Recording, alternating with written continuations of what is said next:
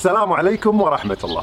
لا يمكن النجاح في الحياة دون منطق دون أن نجعل عقولنا الجبارة تخدمنا وتبني حياتنا باتجاه مصالحنا وليس باتجاه عواطفنا.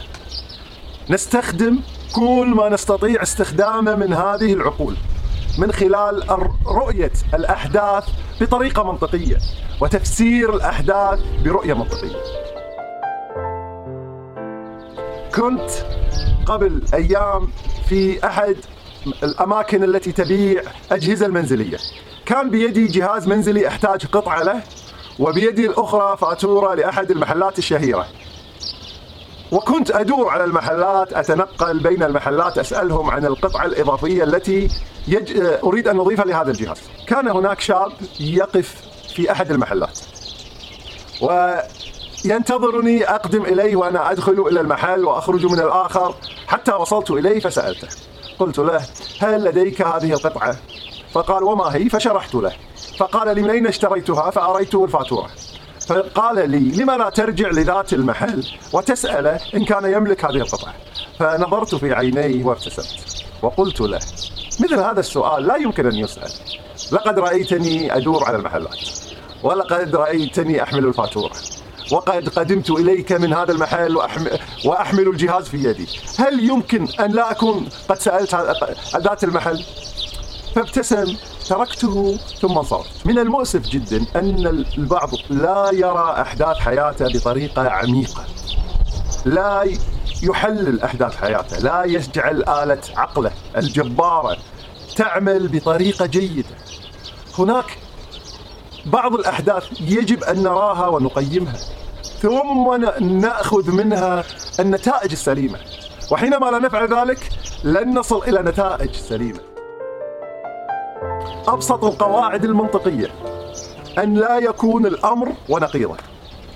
زار زار الرسول صلى الله عليه وسلم الزبرقان وعمرو بن الأهتم. وجلسا يتحدثان. فقال الزبرقان عن عمرو الأهتم كلام جميل. ثم رد عليه عمرو بن الأهتم وكان من فصحاء العرب كلام جميل آخر.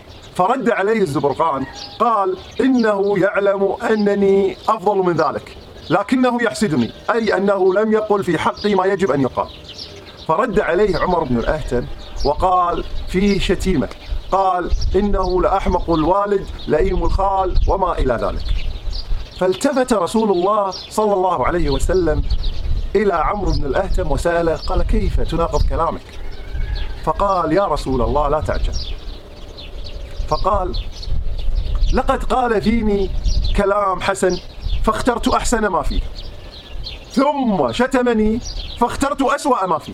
فقال الرسول صلى الله عليه وسلم كلمته الشهيرة إن من البيان لسحرة.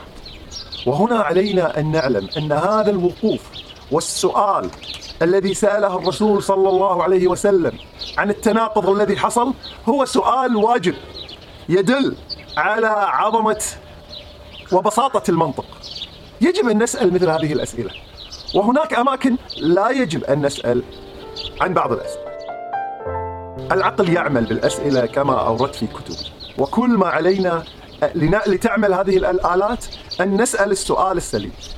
وبالتالي فإن السؤال السليم هو مفتاح أو 90% من الإجابة السليمة. لكننا غالبا نتوه عن سؤال سليم جيد. فنسأل أنفسنا سؤال لا يمكن الحصول على إجابته. لما هذا يضايقني؟ لما هذا قال هذه الكلمة؟ وهذه الأسئلة غالبا تأخذنا نحو عاطفتنا ولا تأخذنا نحو مصلحتنا. وبالتالي علينا أن نرى الأحداث ونفرز ما يمكن الوصول له بالمنطق وما لا يمكن الوصول بالمنطق الحياة متشعبة. وكلما دارت فينا الأيام ومرت علينا السنون تتعقد أكثر. والإنسان الذي يبني البناء المنطقي كلما مرت عليه الأيام كلما أصبح شخصا أفضل.